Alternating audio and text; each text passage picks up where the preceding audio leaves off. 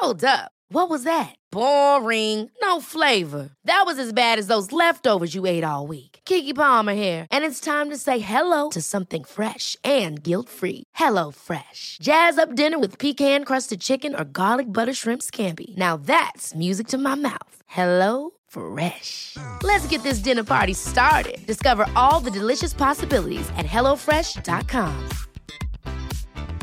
A lot can happen in three years, like a chatbot may be your new best friend. But what won't change? Needing health insurance. United Healthcare Tri Term Medical Plans, underwritten by Golden Rule Insurance Company, offer flexible, budget friendly coverage that lasts nearly three years in some states. Learn more at uh1.com. There's never been a faster or easier way to start your weight loss journey than with PlushCare. PlushCare accepts most insurance plans and gives you online access to board-certified physicians who can prescribe FDA-approved weight loss medications like Wigovi and Zepbound for those who qualify. Take charge of your health and speak with a board-certified physician about a weight loss plan that's right for you. Get started today at plushcare.com slash weight loss. That's plushcare.com slash weight loss. plushcare.com slash weight loss.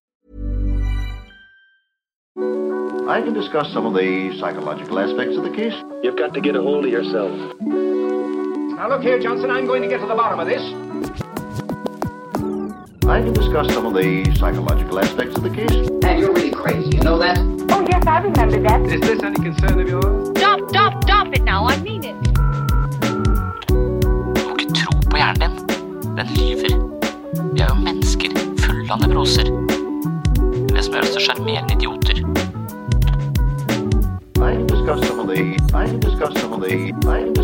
The psychological aspects of the case. We don't have very long.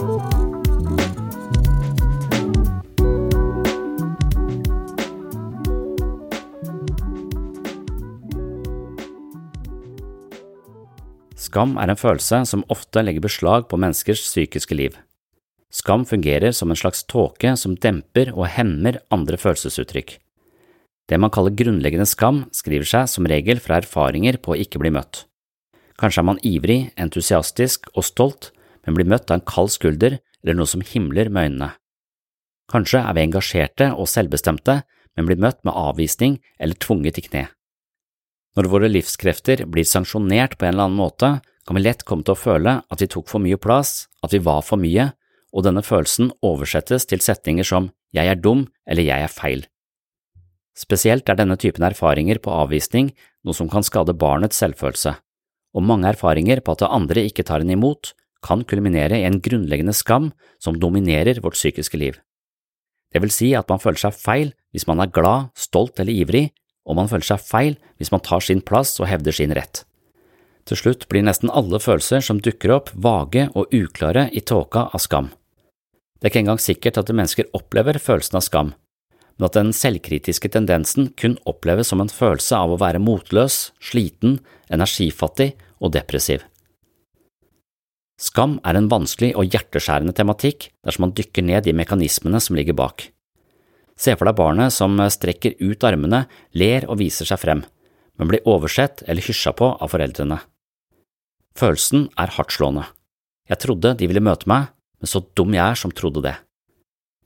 Mange episoder av denne typen kan altså installere en slags grunnleggende skam i mennesker.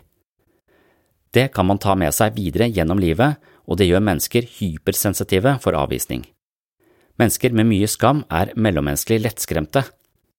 De er hele tiden på vakt og monitorerer for følelsen av å ikke bli møtt, og denne vaktsomheten skaper uro og turbulens i relasjon til andre.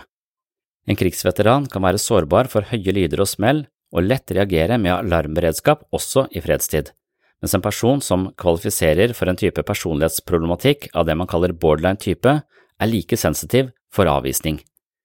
Det viser seg at skam er sentral i veldig mange psykiske utfordringer, og det er spesielt sentralt i det man kaller for emosjonelt ustabil personlighetsforstyrrelse, og det er nettopp det vi skal se på i denne episoden av Sinnssyn. Velkommen skal du være. Nå var det snakk om sterke følelser, en slags identitet. Hvordan kan man kjenne seg selv hvis man uh, føler veldig mye, veldig ofte, og ofte da litt motsatt? Det er jo selvfølgelig ikke så lett. Men uh, når det er snakk om sterke motstridende følelser, så er det ofte snakk om borderline-diagnosen også. Så en sånn klinisk språk, emosjonelt ustabil, liksom. Hva, hva, hvordan skal man forstå det? Og jeg syns nesten var interessant å snakke om det. Og hvis man skal snakke om det, så virker det som det er kun én følelse man egentlig trenger å fokusere på, som nesten ikke er en følelse engang. Det er bare en, slags lokk over alle andre følelser, som skaper en slags følelsesmessig tåke. Og det er skam, tror jeg. Så det viser seg at den største driveren i veldig mange psykiske utfordringer er en variant av, av skam. Det er blant én studie som som ble gjort med, med, hva er det med de som da kvalifiserer for denne Jeg mener at alle er en personlighetsforstyrrelse, så, jeg, så man kan jo bli litt sånn Det er en diagnose som er litt sånn ja, stigmatiserende og sånn, men la oss bare si at det er en slags uh, idé om at du, du blir veldig følelsesmessig aktivert, da, og du har litt problemer med å gå ned igjen, og du ser ting ganske snevert, altså, som alle opplever når de krangler med partneren sin. Så da har alle vet hva det vil si å havne i en sånn følelsesmessig floke, liksom, hvor man ikke ser eh, klart. Så, men når man eh, ser på de som da har dette som et slags større problem i en del relasjoner, og man ser på de som ikke nødvendigvis har det et uh, problem, så har man satt de overfor masse sånne scenarioer som skal fremkalle følelser. For å se hvordan, og Så skanner de hjernen, da, og så ser de hva slags, uh, hvordan hjernen oppfører seg i møte med ulike scenarioer. Så det er et skamscenario. Det er rett og slett at noen uh, snakker sånn som her. Og så er det noen som roper 'du har noe i tenna', så alle uh, ser, ser, det. Og det skal fremkalle følelsen av skam. Og så har du et skyldscenario hvor det sitter noen folk, og jeg så den ene filmen, sitter og så prater, og så begynner den ene å baksnakke en venn av begge to på en sånn skikkelig ekkel måte. Og så sitter den vennen rett bak der, og så hører det, og så blir det, så det, det skal skape en type skyldfølelse. da. Så, så, du setter opp sånne scenarioer, og så ser du liksom hva som skjer inni de setter også opp et, sånn, et, scenario hvor du kunne føle vemmelse, som var at noen fant et råttent brød. Det var, sånn, det var så litt ekkelt ut. Så de, de, tingene de fremkaller en eller annen følelsesmessig respons, og så ser man hvordan folk reagerer. Og det viser seg at det der med eh, vemmelse, det vil de fleste reagere med litt likt, men så vil det avta ganske fort. Og hvis du utsetter dem for det samme stimuli gang på gang, altså de ser det brødet, så vil hele responsen avta. Til slutt så føler du ikke noe særlig vemmelse. Du har sett det brødet før, du er forberedt på det, og du, du klarer å regulere for den, den, følelsen. Det gjelder også de som ikke har den diagnosen. De klarer å regulere den følelsen i de andre scenarioene også. Mens de som har fått denne, denne eller som tilfredsstiller denne borderline-aktige problematikken, da, de eh, vil ikke klare å regulere skammen. Og de reagerer, er veldig veldig sensitive på skam, så de reagerer mye voldsommere på skam. Ja, så Jeg bare synes det var interessant at de, eh, de som har den uh, typen problematikk, de vil reagere De vil være ekstremt sensitive for følelsen av skam og skyld. Og den vil aktiveres veldig raskt, og den vil værende på et høyt aktiveringsnivå mye lenger enn hos eh, de, de, andre. Og det vil også være sånn at de ikke klarer å Selv om de ser det samme scenarioet gang på gang, så vil de ha det samme reaksjonen. De vil ikke tilpasse seg og forstå at ja, nå har jeg sett denne situasjonen, er ikke så ille. Og det ser de på spesielt denne amygdala, denne lille delen ned i hjernen vår som er på størrelse med en Eller ligner litt på en mandel.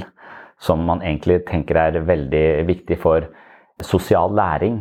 Så det er der vi har sånne skjemaer som koder for uh, hvordan de reagerer i ulike situasjoner. Så, så det, er den, det, er der uh, disse sosiale og relasjonelle og følelsene våre til en viss grad det, som fargelegger hvordan vi opplever ting, da, det ligger i skjemaer der. sånn. Og da er det spesielt skamskjema som er det som er driveren i spesielt denne emosjonelt ustabile problematikken. Og da kan vi gå tilbake til det vi snakket om sist med disse ulike utviklingstrinnene. Og En som heter Winnicott, han mener at barnet kommer liksom inn i verden og blir, eller forventer å bli møtt og bli tatt vare på. Og det kaller Han sånn, han kaller det 'blueprint for normality'. Så du, bare, du, har en forventning om at eh, du kommer inn, det, det er noe som ligger ja, blueprint, det ligger i oss, en slags forventning om å bli ivaretatt. Og da kan man liksom se for seg jeg tror det er en som heter Tomkins, som mener at det, glede og iver hører veldig tett på skam. For scenario skam, som en slags sånn skjema som dukker opp, det er ofte når Jeg bare ser for meg jeg skal hente i barnehagen, liksom, så kommer datteren min løpende mot meg, entusiastisk, har en tegning, hun skal vise det. Se, se, se, se på meg, se på meg, se så fantastisk jeg er, se så gøy jeg er. Og, og hvis jeg da bare går forbi henne og begynner å snakke med, med de som jobber i barnehagen, og ikke tar imot det, og så avviser det, eller syns det er ubehagelig Nå er du veldig selvlevende veldig mye deg, deg, deg, deg. Nå må vi roe oss litt ned. Og så bang! Det er der skammen oppstår. Det er akkurat i den der å ikke bli møtt. ikke sant? Det er der skammen blir eh, så presserende. Og, og, liksom, og da dukker den ideen opp at eh, jeg trodde jeg ville bli tatt imot, men så dum går det an å bli. på en måte. Og det er nok den uh, ideen som vi har uh, får installert i denne, denne delen. Så det er gjentatte ganger å ikke bli møtt. Og, og derfor så også denne skammen som, da, som driver. Men så i neste, neste, moment så vil du også reagere med en type skyld. Fordi at eh, når du ikke blir møtt på din entusiasme Du skammer deg, men du kan også bli forbanna på at du ikke blir møtt. Denne, du, du, tenk, du, du, har en slags forståelse at eh, jeg er et barn, jeg skal bli ivaretatt. Jeg har eh, noen krav. Dattera mi sier at det er en menneskerett for 13-åringer å se på 16-årsgrense. Det står i menneskerettighet. What? Du har, du har, en del rettigheter, liksom, men, men du, du, har ikke det. Men denne blueprint for normality sier at jeg skal bli møtt, og når jeg ikke blir møtt, så blir jeg forbanna. Og så er det dette med at raseriet til eh, barnet oppleves voldelig og voldsomt. Så det er vanskelig for det å skille mellom det å faktisk utøve vold og det å føle en eh, kraftig aggressiv følelse. Så de får veldig problemer med at jeg føler sinne mot den personen som jeg egentlig elsker, og den personen som jeg er avhengig av. Så det blir fryktelig problematisk å føle sinne mot den personen jeg er avhengig av, og som jeg elsker. Hvorpå skyldfølelsen kommer inn og blokkerer det, eh, det sinnet. Så skam er jo en følelse som, som blokkerer både entusiasme, eh, glede, men det blokkerer også sinne og selvhevdelse. Og sånn sett så legger det nesten en slags lokk over alle eh, også nyanserte andre typer, eh, typer følelser. Det er Martin Buber som kalte dette for freudiansk eh, skyld. At vi har slags internalisert dette. Jeg ble sint den. Jeg kan ikke være sint på de jeg elsker. Det må være min feil. Og det er også det Winnicott sier, at det er bedre for et barn å være en djevel i en verden styrt av Gud enn en engel i helvete. Og Det er også da vi snakket om denne splittingen, at det, at det er bedre for barnet etter hvert istedenfor å drive og monitorere foreldrenes reaksjoner og lurer på hvorfor er de sånn, hvorfor tar de meg ikke imot, hvorfor har ikke jeg ofte sånn og sånn, så er det mye bedre å bare konkludere med at det er jeg som er feil, det er jeg som gjør noe galt, de har rett. Og da får du denne eh, sinnet vendt mot seg selv, og du blander det med en sånn type grunnleggende, det de kaller basic shame, så har du en cocktail som er jævlig giftig. Og en historie som ofte brukes når det beskriver skam, det er den, en bok jeg har lest mange mange ganger, som jeg egentlig elsker. Det er bok, eh, for jeg 'Matilda' av Roald Dahl. Den er eh, jeg har lest for alle barna mine liksom flere ganger.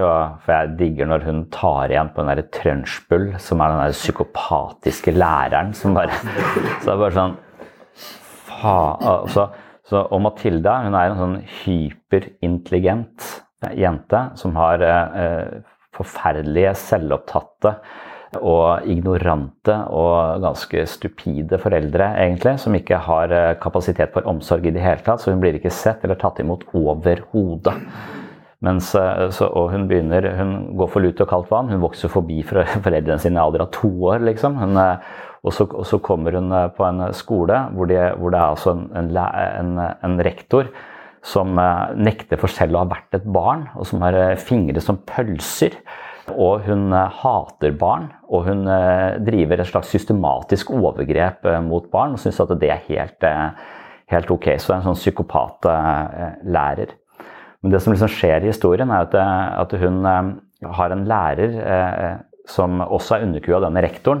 Og denne læreren ser Matilda, så hun blir sett. Så hun ser at du har fantastiske evner, du er et fantastisk lite menneske, så jeg ser deg for den, for den du er. Og idet hun blir sett for den hun er, så klarer hun altså Hvis man ser at hun kan i utgangspunktet ha en sånn, syke, en sånn type skamproblematikk, der hvor at det, siden jeg ikke blir tatt imot, så må det være noe feil med meg. Jeg er dårlig. Så hun installerer en sånn basic shame. Jeg er ikke verdt noe. Og da vil hun også vende all irritasjon, aggresjon innover. Sånn at hun, hun, har ikke noe selvhevdelse heller, hvis det er dynamikken. Men så blir hun sett, og så skjønner hun jeg har en verdi. Og Idet hun skjønner hun har en verdi, så kan hun begynne å rette det sinnet der det hører hjemme. Hun kan begynne å rette det sinnet utover.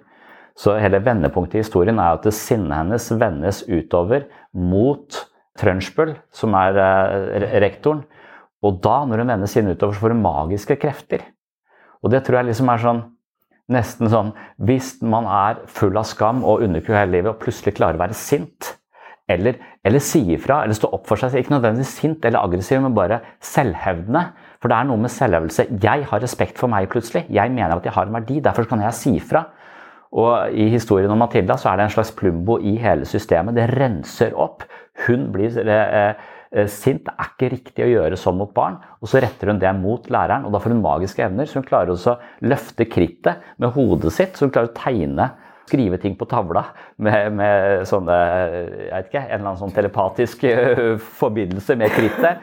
Og det gjør jo denne Trønsbøl livredd. Hun tror det spøker, så hun får jo eh, nærmest et hjerteinfarkt. Og sånn fortsetter hun å plage denne læreren, og det er veldig veldig tilfredsstillende at den læreren eh, får denne så, men det virker som om eh, hele vendepunktet er det at hun blir sett av denne læreren. Får en kontakt med lærer Honny, som hun heter i historien. Når hun blir sett, så tør hun også å hevde seg selv, og da får hun magiske krefter. Men etter hvert som hun får en god kontakt med Honny, så forsvinner også de magiske kreftene hennes. Eh, sånn at hun, hun trenger det ikke nesten lenger. Hun har, har, blitt et helt menneske, så hun trenger ikke magiske evner for å eh, løfte kritt, kritt og sånn. Så da kommer hun seg vel gjennom denne skolegangen da, forbi denne psykolæreren, og så, og så klarer hun å skape forbindelse til andre, andre mennesker. Det er en ganske eh, fin eh, historie, men det er en ganske atypisk historie. For det er ikke så mange som har de evnene som eh, Matilda har når de utsettes for den typen foreldre som hun utsettes for. Så i verste fall en slags sånn resiliens, løvetann Eller i beste fall ja, en sånn løvetannhistorie. da. Men at dette fortsatt er en mulighet. At selvhevdelse er en slags nøkkel.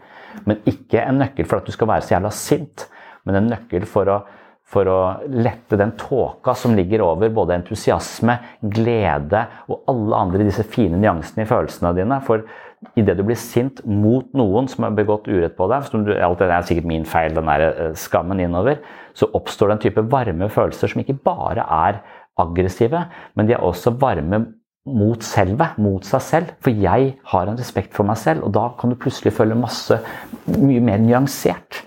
Så problemet med skam er at det legger deg sånn, sånn tåke over hele, hele følelseslivet vårt. Så står I en, en artikkel om dette så står det en, en innover, et innovervendt raseri. Det blir ofte forkledd som motløshet, selvkritikk og avmakt. Og det gir en gnagende, ekkel følelse av å være feil, dum og malplassert. Så tristhet og selvangrep sauses sammen til en depressiv suppe av motløshet. Så det virker som det bare liksom en sånn tåke overalt. Og da klarer man ikke å skille mellom sorg og raseri, og, eller gjenkjenne Det eneste vi kjenner på, er håpløshet. For Spørsmålet er hvordan skal du håndtere skam, liksom. Og, og det er en av de vanskeligste følelsene å håndtere. Det er derfor det er så vanskelig å behandle. For nesten uansett hvordan du møter skammen, så um, vil den bare forsterkes, eh, viser det seg. Så det er ikke noe, er ikke noe god måte å, å, møte den på, egentlig. Men, uh, men jeg, jeg, tror at eller skammen som beskrives her, er en overlevelsesmekanisme. For skammen skal sørge for at det ikke blir eh, konfrontasjon.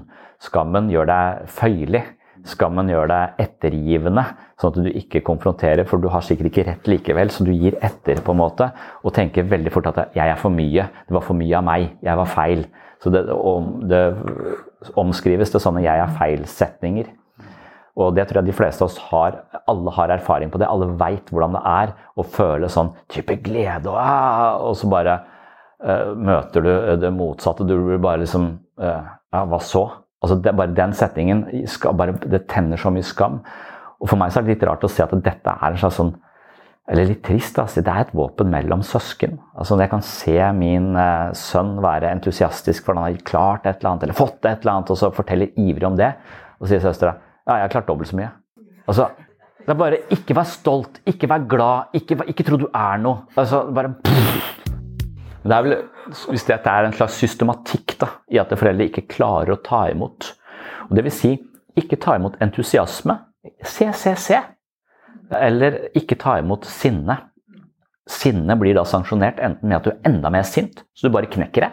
Eller hvis du er sint, så vil jeg ikke ha noe med deg å gjøre. Jeg avviser, jeg trekker tilbake kjærlighet. Du er ikke verdt noe. Så de to tingene, altså hvis, du hvis du, sinnet ditt blir sanksjonert med mer sinne som bare overmakten tar deg, så tror jeg du får en type unnvikende tendens i personligheten din. Hvis, blir, hvis sinnet ditt blir møtt med avvisning, og du er ikke verdt noe, du står der og, og, koker. Idiot, liksom. Jeg orker ikke ha noe med deg å gjøre. Dette er stusslig. Så tror jeg det blir en type avhengighet hvor du, hvor du febrilsk prøver å klamre deg til, eh, til folk. Altså separasjonsangsten vekkes der. Det er, det er, panikken som hører til separasjonen. Jeg blir forlatt hvis jeg hevder meg. Og dermed så klamrer jeg meg til folk, og så finner jeg meg hva faen som helst for å ikke bli forlatt. Mens det andre er faen, hvis jeg føler noe, er enten glad eller sånn, så kommer folk til å le av meg, ydmyke meg. Jeg vil ikke ha noe med andre å gjøre. Det er en fiendtlighet, det er en kaldere posisjon, det er avstand. Men begge deler vil også uh, sannsynligvis score på uh, denne emosjonelle ustabiliteten pga. denne enorme ømfintligheten for avvisning. Eller for å føle seg for mye, eller for å føle seg ja, at den, den, er så sensitiv i denne amygdalaen. Så hvis vi kan, kan fjerne hele amygdalaen, så vil du ikke føle noe som noe som helst. Og da blir du en robot, sånn som mange vil. For de syns det er så slitsomt å føle på alt dette her hele tiden. Men det er det også som farger livet. Men det er så ujustert, da. Det, kan virke som skammen er en av de vanligste og mest alvorlige virusene i programvaren vår inni huet vårt. Det er klart at det, Skammen har en slags funksjon. Den skal gjøre så du ikke stikker deg så altfor mye fram. Og den, den har en eh, det, det, hender jo det er lurt å legge seg, seg litt ned og, og, regulere seg litt, men for mye skam det, det, virker som om er liksom en sånn bug i selve operativsystemet, hvor all ny informasjon kjøres via den. Det er derfor det er så vanskelig. Jeg prøvde å finne ut hvordan, hvordan behandler man skam? Da? Hvordan behandler man egentlig en borderline? eller Hva det skal vite? Hva er liksom greia? Hvordan skal vi håndtere eller møte i oss selv den, den typen eh, skam, som ofte ikke kjennes igjen på noe annet enn motløshet, oppgitthet, meningsløshet. Liksom. Det er størkende aggresjonen som er vendt uh, delvis innover, men som ikke er noe som, Hvor all den energien er, bare knebla og vendt innover. Altså, jeg husker Eh, Jung snakker jo om, om, at vi er født med en viss form for energi. Eller Freud snakker om at vi er født med en slags libido. og det libido, Den energien vil et sted, den skal et sted. Men idet den blir kuttet av eller sanksjonert eller eh, latterliggjort eller ydmyka eller eh, kjefta på, så vendes den innover. Og da er det ikke noe vekst. Vi kan ikke bruke den energien til vekst, vi bruker den bare mot oss selv. Så det er den største waste av energi som fins. Liksom. Skammen virker som er er sånn. Og da, hva faen skal vi gjøre med den, eh, den skammen, da, som er selve proppen i livsenergien vår? Det er ikke noe det er, noe, det er, ikke mulig å leve uten den energien som rettes, for den rettes bare innover på en destruktiv eh, måte. Imagine the softest sheets you've ever felt. Now imagine them getting even softer over time. That's what you'll feel with Bowl and Branch's organic cotton sheets. In a recent customer survey, 96% replied that Bowl and Branch sheets get softer with every wash. Start getting your best night's sleep in these sheets that get softer and softer for years to come. Try their sheets with a 30-night guarantee. Plus, get 15% off your first order at bowlandbranch.com. Code BUTTERY. Exclusions apply. See site for details. Hold up. What was that? Boring. No flavor. That was as bad as those leftovers you ate all week. Kiki Palmer here, and it's time to say hello to something fresh and guilt-free. Hello Fresh. Jazz up dinner with pecan-crusted chicken or garlic butter shrimp scampi. Now that's music to my mouth. Hello Fresh. Let's get this dinner party started. Discover all the delicious possibilities at hellofresh.com. Hey, it's Ryan Reynolds, and I'm here with Keith, co star of my upcoming film, If, only in theaters, May 17th. Do you want to tell people the big news? All right, I'll do it. Sign up now and you'll get unlimited for $15 a month in six months of Paramount Plus Essential Plan on us. Mintmobile.com slash switch. Upfront payment of $45 equivalent to $15 per month. Unlimited over 40 gigabytes per month. Face lower speeds. Videos at 480p. Active Mint customers by 531.24 get six months of Paramount Plus Essential Plan. Auto renews after six months. Offer ends May 31st, 2024. Separate Paramount Plus registration required. Terms and conditions apply if rated PG. Og, og da står det eh, det eneste jeg fant av skambehandling som ikke funker. Og det var stort sett alt. Det, altså, det å rasjonalisere skamresponsen, det eh, fungerer ikke. Altså, det å lete etter fornuftige forklaringer på skammen vil sjelden gjøre at skammen minker. Og så neste, å konfrontere skammen er heller ikke særlig hjelpsomt. Og det er det, er det jeg har opplevd så mange ganger at det, i det du sier 'jeg skammer meg, jeg føler jeg er skyldig', det var kanskje min feil, jeg sa ifra. Nå har den jævelen trakassert deg i tre år. Og så sa du at det er ikke greit at du sier sånn til meg i et møte. Og så skal du etterpå tenke at det der var feil. Og nå, kanskje jeg var litt for mye, jeg burde ikke ha gjort det. For meg så er det åpenbart at dette er jo en mild og helt eh, sentral respons fra din side. Men så klarer du å vende det om til at det var din skyld, og du var kanskje litt mye, burde kanskje bare tolerert det, bla, bla, bla. bla. Og, så, og, og idet jeg konfronterer dette og sier at du, din respons var riktig, så føler den personen jeg er feil. For jeg mente det ikke var riktig, så jeg er feil. Så uansett når du konfronterer den responsen, så føler de seg feil. Det blir bare mat for skammen, det også. Så konfrontasjonen fungerer ikke. Noe som heller ikke fungerer, er positive og støttende tilbakemeldinger. For, fordi når, når, en som skammer seg mye, får omsorg og ros og støtte og 'nei, du er jo så fin' og sånn, så føler de bare at 'dette her har ikke jeg fortjent'. Den positive oppmerksomheten har ikke jeg fortjent. Så det vil også føre til økt skam. og, og heller, så heller ikke det å lykkes i noe vil ofte øh, på en måte avhjelpe denne basic shame-problematikken. Fordi at det, hvis man, Da får man sånn imposter-syndrom. Man føler at man lurer folk. At man ja, du, faen, så bra, liksom. Nei, det, bare, det var bare flaks, eller ikke sant. Så, så, selv, så der også vil det bare øke jeg misforstår, øke, øke skammen. For, for, det kjedelige svaret uh, i disse artiklene du finner om det, er at hva er løsningen på, uh, på skamproblematikken? Det er mindfulness og aksept. Damn it! Faen, alt er mindfulness! Men det gir jo mening det gir mening i den forstand at, at, eller hele ideen er at hvis du klarer å observere hva som skjer i kroppen din, hva som skjer i følelsene dine, og ikke dømme det så der er det, For med en gang du dømmer det, så er jo hele din fordømmelse infiltrert av skammen. Hele operativsystemet ditt er jo fullt av dette viruset som tolker det i én retning. Så hvis du hele tiden, hver gang du skal vurdere deg selv og din egen respons, så vil du bare på en eller annen måte bli finta inn i en sånn skamlogikk. Og hvis du da klarer å se det uten å mene noe om det, uten å vurdere det, bare akseptere det, så vil du få en slags genuin kunnskap om hvem du er. Og da vil du kanskje langsomt komme en slags sånn eh, sprekk i denne eh, skammuren. Med en gang du vurderer eh, responsen fra amygdala, gi den, dømmer den på en måte, eller gir den en valør 'Jeg er feil'. Eh, altså, med en gang du, du gir, altså, Det som er, det er. Og det er jo sånn uansett. og Du kan mene at det er feil, du kan mene at det burde vært annerledes, men med en gang du begynner å mene om det, så er du i, i konfrontasjon med virkeligheten. Det som er, er. Ellers har mental styrke å beholde observatørrollen selv om aktiveringa foregår.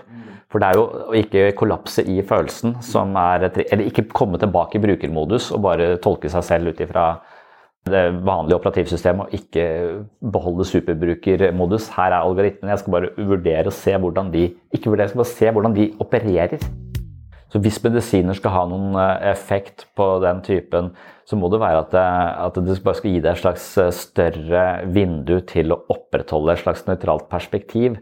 For hvis du ikke bruker den muligheten du har på type medisiner til å nettopp observere uten å dømme, så, så tror jeg bare medisinene vil bare liksom det vil skape litt sånn avstand, så du ikke blir like, like fanga. Men hvis du ikke bruker den perspektivet til noe konstruktivt, hvis du ikke bruker det til å forstå deg selv, så tror jeg bare du skal gå på medisiner resten av livet. Det er vel ofte det folk får. De får bare medisiner uten noen redskaper til å bruke det perspektivet som da blir tilgjengelig.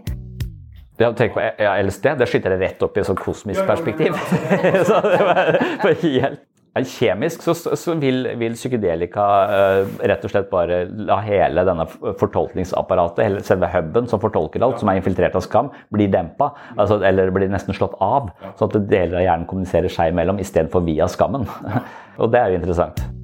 Jeg tror ikke du skal ha så fryktelig mange skamerfaringer heller før, før du merker at det, eh, hvis noen kommer og gir deg et kompliment altså Sjefen kom inn, han kom her i stad også. han kom inn eh, for jeg klarte å ikke drite meg ut på en sånn konferanse eh, eh, i går. Og det er ikke å forvente, egentlig. Eh, fra, så han kommer inn og sier det helt fantastisk, ledelsen var der. De, de, de, sa at du ikke gjorde hele sykehuset til skamme.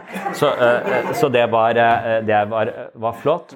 Og det å føle en slags sånn Ok, da er jeg litt mer lojal mot systemet, men jeg har fortsatt vært uttrykkende. altså, men, men, bare det å få skryt, da, på en måte Det er sånn Det er egentlig godt. Du kan føle seg litt stolt, men det er veldig Så amygdala er en sånn del som sier Den er et alarmsystem som sier det er farlig å være stolt. For hvis du er stolt nå og smiler, så kommer neste setning og sier men, altså, brr, altså, der, du, du, Med en gang du vokser og tenker 'Å ja, er jeg verdt noe?' Og, så, og, og, da er du så innmari i risikosonen. Hvis du har noe, så Amygdala sier det er livsfarlig å tro at du, du er noe. Og den, den responsen tror jeg sitter ganske latent hos veldig mange mennesker. Så stolthet virker jo som en litt farlig følelse. Jeg merker på den selv. Altså jeg vil, jeg bare, ja, Fint, takk. Eh, kan du gå? Jeg skal i gruppeterapi. Jeg vet ikke, men det er jo det som synes uh, for folk at i forsamlinger Jeg gjør det jo her hele tiden, liksom, så det er for så vidt Men, det sånn, der ute i går så var det, sånn der, det var et lokale med 150 fastleger som er ganske ampre på psykisk helsevern. Og så skal jeg snakke i tre kvarter for de, så da kom de, så tenkte jeg jeg vil heller gå inn til løvene enn å gå inn til de her jævla legene der. sånn. Og én ting er jo Men ja, er, så jeg vet ikke om jeg er så redd for de, jeg er litt redd for leger generelt sett, men jeg vet ikke om jeg er også bare redd for å drite meg ut, liksom. Og mer og mer. Så jeg skjønner ikke hvorfor det ikke eller det, det, er ikke noe, en respons som går ned hos meg. Amygdala klarer ikke helt å lære seg at det ikke er farlig å snakke for folk. Jeg klarer å lære meg det her, for jeg er litt trygge på dere, men jeg klarer ikke nødvendigvis ute, selv om jeg drev med det så mye. Før så var jeg mer sånn, jeg nesten skrudde det av. Jeg ble mer sånn cocky, bare skrudde helt av. Men nå har jeg kontakt med den faresignalet. Dette her er giftig. Du kan drite deg ut. Pass deg. Gå hjem. Aldri gjør dette igjen. Si nei. Ja, de har nok amygdala påkobla, men den reagerer ikke med skam uh, og, og, sånn i enhver situasjon. Eller 'nå er jeg for mye', eller uh, den, der, den, stemmen der sånn. Som jo sannsynligvis da kommer av at du blir sanksjonert, du blir kastrert, du blir liksom alle disse tingene. altså så, og, og, jeg vet ikke hvor mange, som, hvor mange, sånne episoder som skal til jeg, før, før, du føler deg rett og slett bare som et null, og en som bare Den der følelsen av å stikke seg fram, og så bli ydmyka, på en måte. Om du så har stått foran en klasse og det har skjedd, eller eh, Jeg er jo den ene episoden hvor jeg tok imot et kompliment som ikke var retta mot meg. Fra en sånn professor jeg så eh, opp til. Det, det, drømmer jeg om fortsatt. Det er 20 år siden. Altså, det var schizofrenidagen for 20 år siden. Og, og, da var jeg der og hørte på en sånn stor helt. Og så hadde jeg snakket med han i forkant, for jeg spiste, spiste frokost med han, for han sa jeg fikk lov til å sitte ved bordet. Han stotra fram som å snakke på engelsk, helt jævlig. Og, og hadde, hadde, så lyst til at han skulle på en måte Og så sa han et eller annet, og så var det mente han bak meg. Så tok jeg det imot. Og jeg, det er sånn at det, det er først ti år seinere jeg kan gå tilbake til Stavanger, hvor schizofrenidagene var. Jeg kan aldri lese det han har skrevet lenger. Så en sånn liten så det er helt ubetydelig på en måte, men det er så skamfullt å tro at noe er til deg, og så er det ikke til deg. Det er, det er, så en sånn episode har ødelagt ganske mye. Eller det har ikke ødelagt mye, det er bagatellmessig, men det gjør at det, det jeg leste for harde livet før, elsket å lese alt det han skrev, det har jeg totalt skrinlagt. Jeg vet ikke om jeg har bøkene med meg lenger engang. Nei, for det står jo at meditasjon må være den mentale øvelsen som skaper den avstanden til eh, responsene dine som du trenger for å, for å klare å, å, ikke være identifisert med de i like sterk grad. Da. Og hvis du ikke eier de i like sterk grad, ikke får lov til å styre alt, så er det kanskje mulig å, mulig å si noe om det. Men skammen sin funksjon er jo å skjule. Det, det, det, så Derfor så ser du skam i perfeksjonisme også. Perfeksjonisme er en skamrespons, det også. Jeg skal bare vise verden noe annet enn det jeg er. For enhver pris så skal jeg fremstå på denne, denne måten. Så der eh, ikke se meg, blir til se meg på denne, på denne måten. Og hver gang du får bekreftelse på det, så føler du deg bare enda mer fremmed. Selv om du får masse uh, hyggelige kommentarer sånn på det, så treffer det ikke deg fordi du, skammen skal skjule. Så, så skammens funksjon er jo å skjule og ikke si det, holde det hemmelig. Og så sier du at ja, men hvis du da langsomt klarer å begynne å, å snakke om det og Den intervensjonen som det virker som går igjen hos, uh, hos, terapeuter som klarer å jobbe med det, er at de sier, de sier at de skal overraske skammen.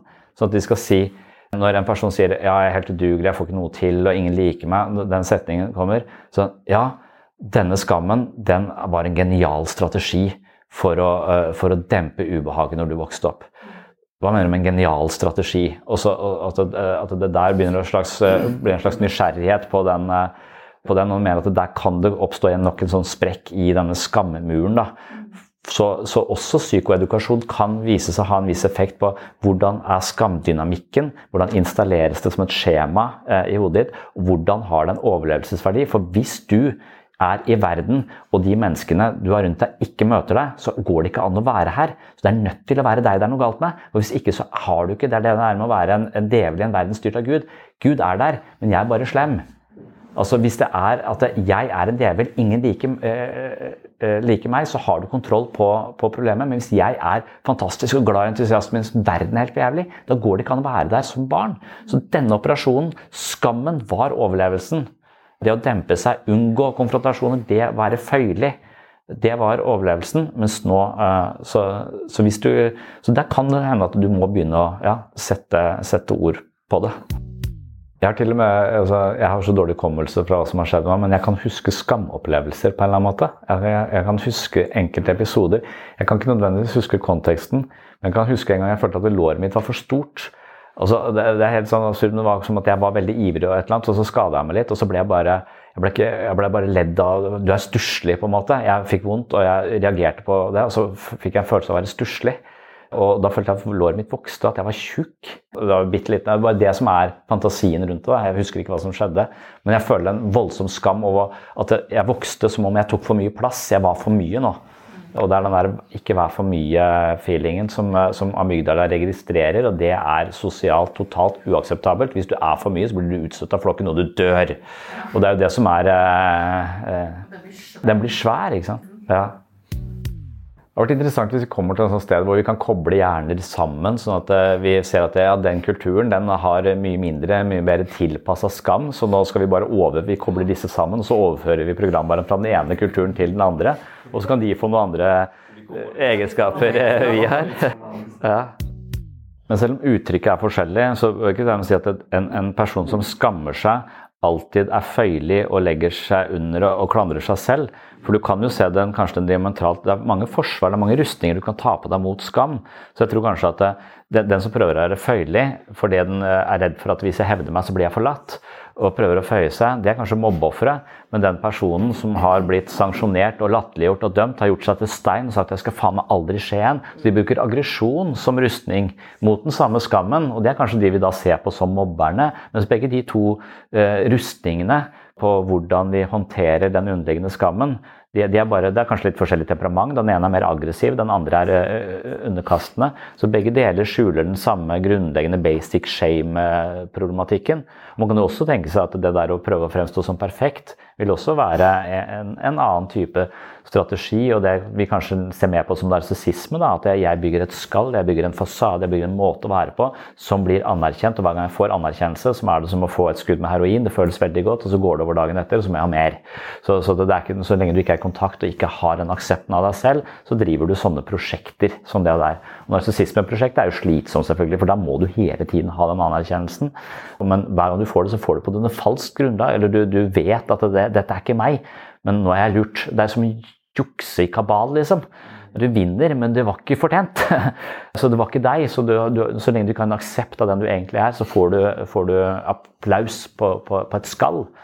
Og det er det man er litt var på i gruppeterapi. altså jeg tror alle elsker oppriktighet. Når jeg ser at den er ekte, så tror jeg folk, eh, alle folk henger seg på. Og, mens idet man prøver å i det man driver og opprettholder en sånn type skall, så tror jeg folk blir sånn hm, Hvem er du? Eh, jeg føler ikke helt Du De svinger ikke helt i takt der. Jeg er litt usikker på om det du sier nå, for nesten du eh, Jeg føler ikke det er forankra, sier folk. Jeg føler ikke Noen kan si jeg tror du lyver, nesten.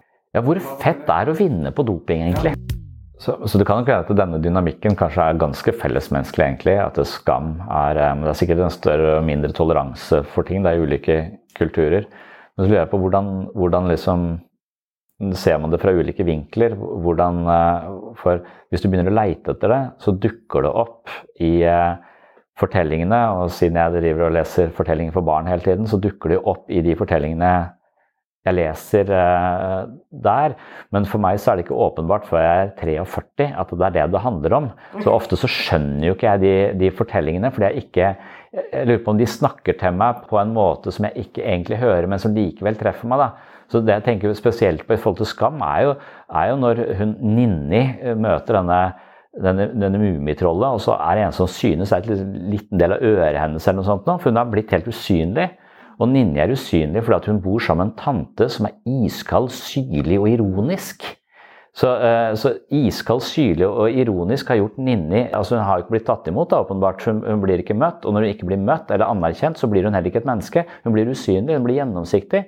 Og så kommer hun til Mummifamilien som da kanskje representerer et litt bedre sted å være. De er ikke sånn, Det skjer mye krøll og bøll her òg, men det er stort sett greit. Og så får man polkagriser før man legger seg. De har en slags sovemedisin med sånne små drops. Det ligner på polkagriser. Jeg vet ikke helt hva det er for noe. men de, så, så, hun får bo der litt. Altså, og så langsomt så blir hun litt mer synlig. Men hun er fortsatt, du ser bare konturene av henne. Hun blir ikke helt synlig ved å bo der heller. Og det som liksom ender den der, sånn jeg husker den der Mummitroll-fortellingen der, sånn, at de er nede på brygga med Mummipappa. Og så tror Ninni at Mummipappa driver og kødder med Mummimamma og skal dytte henne uti, eller noe sånt, så blir eh, Nini jævlig sint. Så biter hun han Mummipappaen i halen. Og da hyler han så mye at hatten detter i vannet. Og når han da skal bøye seg ned for å finne opp hatten med en sånn skamfert hale, så faller han uti vannet, og så når han kommer opp da, så er han full av gjørme på ørene. Det er sånn jeg husker, husker, den fortellingen. Og da ler alle. Alle ler, for det er så morsomt at han står, står der eh, i vannet. Og det er som om at hun Da blir Ninni helt synlig. For akkurat som der igjen den der eh, selvhevdelsen. Ikke gjør sånn. Jeg har markert meg. Og det ble tatt imot. Jeg beit deg i halen, men du angriper meg ikke. Du er ikke kald, du avviser meg ikke. Du, jeg, jeg, er fortsatt akseptert, selv om jeg reagerte. Og da blir hun, eh, hun synlig.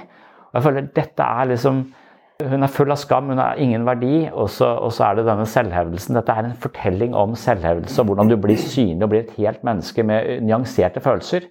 Og ikke bare 'jeg er ikke god nok, jeg bør ikke si det', og den tåka som ligger over. Den, den kommer jo i eventyrene til barna. Så det er som om det, Tove Jansson skal liksom eh, på en måte drive en slags psykoterapi med, med, barna våre, bare for å snike inn disse fortellingene i bokhylla vår. Og jeg er litt usikker på må man forstå det, eller snakker det til oss likevel? Altså, for, det er først når jeg liksom begynner å Og kanskje det er helt feil tolkning av det, det er bare det jeg legger i det når jeg begynner å lese det etter du begynte å tenke mye på Skam, f.eks., og dynamikken der. Jeg, jeg, lurer, jeg, lurer, på om barna liksom får det med seg, om det, om det har noen innflytelse. Mummitroll er weird. altså. Ja. De er, det er mye sopp i Mummitrollet. Ja. Men du, det er 20 år siden, jeg kan ikke snakke om det før nå. Jeg forrige uke sa jeg det for første gang, eller kanskje jeg sa det til dere, jeg husker ikke. Det er først når jeg begynte å snakke om det. Jeg har aldri kunnet snakke om det. Nei, det er interessant, for det, det, skjedde for 20 år siden. Han heter Louis Sass. Eh, han skrev 'Madness and Modernism'. og Han sammenligner schizofreniutvikling og moderne kunst og litteratur. Jeg skrev på hovedoppgave om eh, filosofi i forhold til schizofren utvikling. Jeg er ekstremt dypt opptatt av disse disse sammenhengene, og har det bare blokkert helt eh, ut pga. denne ene eh, episoden.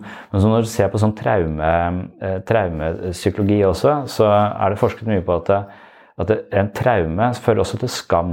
Og dette er jo et veldig mildt traume, ikke sant? men folk er utsatt for jævlige traumer som på en eller annen måte også vendes innover. Det var min skyld, jeg burde ikke gjort det, jeg burde ikke sagt ja, jeg burde ikke gått dit. jeg burde ikke, ikke sant? Så du tar ansvar for noe som ikke er, er ditt ansvar, gir deg selv eh, skylda for det, og så tar det i gjennomsnitt 15 år før du snakker om det overgrepet eller et eller annet sånt. Så det, er, det, det tar fryktelig lang tid, men det som også da skjer, er at det, Traumene blusser opp hvis du utsettes for en situasjon hvor det er litt flaut, eller du dumma deg litt ut, eller noe sånt, så vil traumeminnene dukke opp to dager seinere i forsterka form.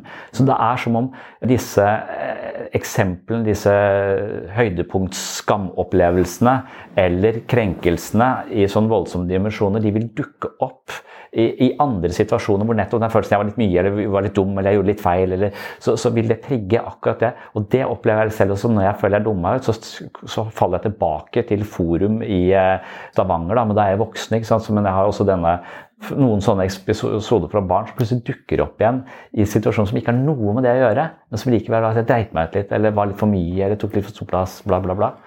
Så, så der, hvis jeg ikke eier den situasjonen, så kan det nok være at, den, at responsen min på nye sånne skamopplevelser er overdreven. Og at, jeg, at, det egentlig bør tas tilbake på en eller annen måte, eller aksepteres. da. For det, det, det vil, du vil retraumatiseres stadig vekk.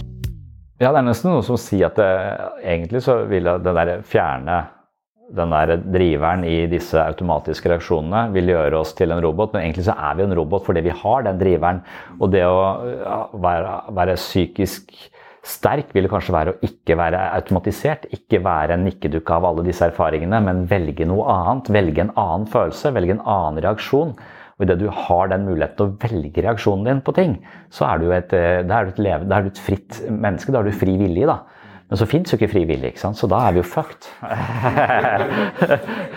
ja, Velgerreaksjon er veldig interessant. Er det, for hvis vi kunne det da, vi, er jo, vi har jo ikke noe fri vilje. Det virker jo ikke sånn på mange. Eller i hvert fall psykisk lidelse virker jo som å ha mindre fri vilje enn de som kan til en viss grad velge å reagere litt annerledes. Ikke ta det så tungt, ikke ta det så personlig. Altså det er, Noen har en større eh, valgfrihet. da på hvordan de vil reagere, mens andre har en amygdala som er såpass uh, Dette er responsen på dette her. Her er livsfare. Bang! Uansett. Ikke dømme den, ikke reagere på den, ikke handle på den. Mindfulness. Og da vil det igjen bare, bare være mer bevisst i enhver situasjon. Vær mer bevisst, vær mer bevisst. Alt mental utvikling handler om bevisstgjøring. på en måte. Ja, spør om hvor mange prosent sant er den kommentaren som kom i min retning nå. Jeg er inne en prosentsats. Men noen ganger så gir den en lav prosentsats for å overleve i situasjonen. Ja, men Jeg kan jo uansett aldri komme til en sannhet. Jeg vet jo aldri sannheten om hvor sant det andre, for det er jo filtrert via dens uh, operativsystem. Så, så, jeg, så, jeg, må jo da, uh, men, og Hvis den er veldig tung, og, tung å ta imot, så må jeg gi den litt lav uh, sannhetsverdi. Og så oppjusterer jeg sannhetsverdien etter hvert som jeg klarer å integrere det litt langsommere. Sånn at, jeg, sånn at jeg ikke går til grunne på det. på en måte. Ting som får en eh, lav sannhetsverdi i starten, kan godt få en ganske høy sannhetsverdi etter hvert som jeg får tenkt litt på det. Og orker å ta det innover meg. 0 er jo fornektelse. Jeg prøver alltid å holde døra litt på gløtt. da. Så jeg pleier aldri å gi noe 0 prosent. Det er det. Jeg lurer på om uh, store mengder kokain bare brenner ut skamresponsen totalt. Så da har vi en ny løsning, da. Da er det mindfulness og kokain. Det er jo genialt. Følte jeg var veldig konstruktivt. Takk for eh, følget. Det var det jeg hadde om skam i denne omgang. Essensen i denne skamfølelsen det er altså at man føler seg verdiløs og tror at man er et dårlig menneske, og at det er deler av en selv som aldri må vises til andre. De som skammer seg mye, de tror at andre fordømmer dem slik de dømmer seg selv. Skam er noe vi alle opplever i en eller annen grad, men noen opplever det såpass mye at det blir en del av deres grunnleggende antagelse om egen verdi. En destruktiv skam kan få grep om vår selvfølelse på mange måter, og nettopp det har også vært tema i denne episoden av Sinnssyn. Vil du ha mer om denne tematikken, så har jeg laget eh, episode 85 som rett og slett heter Skammens psykologi, og den finner du på patron.com for segs sinnssyn. Hvis du ønsker mer sinnssyn hver uke, liker det du hører her på Sinnssyn og vil støtte dette prosjektet, så kan et medlemskap på mitt mentale treningsstudio være noe for deg. Som medlem så får du tilgang til masse ekstramateriale, mange hundre timer med ekstramateriale, det være seg ekstra episoder av podkasten, det er også videoer og miniserier om ulike temaer innenfor eh, menneskets eh, psykologiske liv. Så det er en eh, filosofi- og psykologitreningsarena hvor det å løfte vekter med hodet er tema, altså løfte ideer, forstå seg selv på stadig dypere måter og prøve å forankre denne kunnskapen det er mulig å lese seg til, eller eh, høre seg til da, via denne podkasten, prøve å forankre den i levd liv. Så spørsmålet er jo, vi kan jo forstå mye og vi kan ha dype filosofiske tanker, men er det også mulig å forankre disse ideene i eget liv?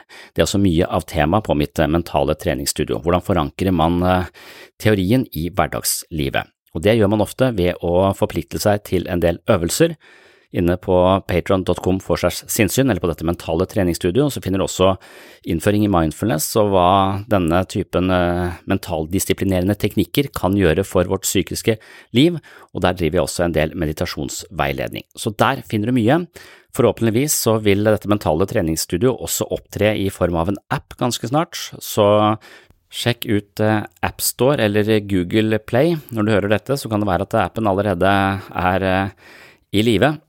Det vet jeg ikke akkurat når jeg leser inn dette, men det er i hvert fall planen min. Det er å samle alt materialet fra Sinnsyns mentale helsestudio på en uh, fornuftig måte i en app-variant. Det var det jeg hadde for den gang. Håper du henger med i neste episode, eller håper du dukker opp eh, inne på mitt mentale treningsstudio, enten det da nå er på en app eller på patron.com for segs sinnssyn, hvor det alltid også vil ligge.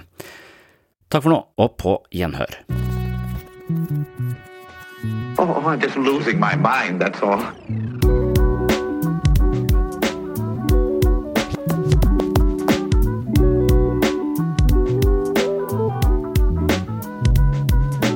I can discuss some of the I can discuss some of the I can discuss some of the psychological aspects of the case. Psycho, psycho, psychological aspects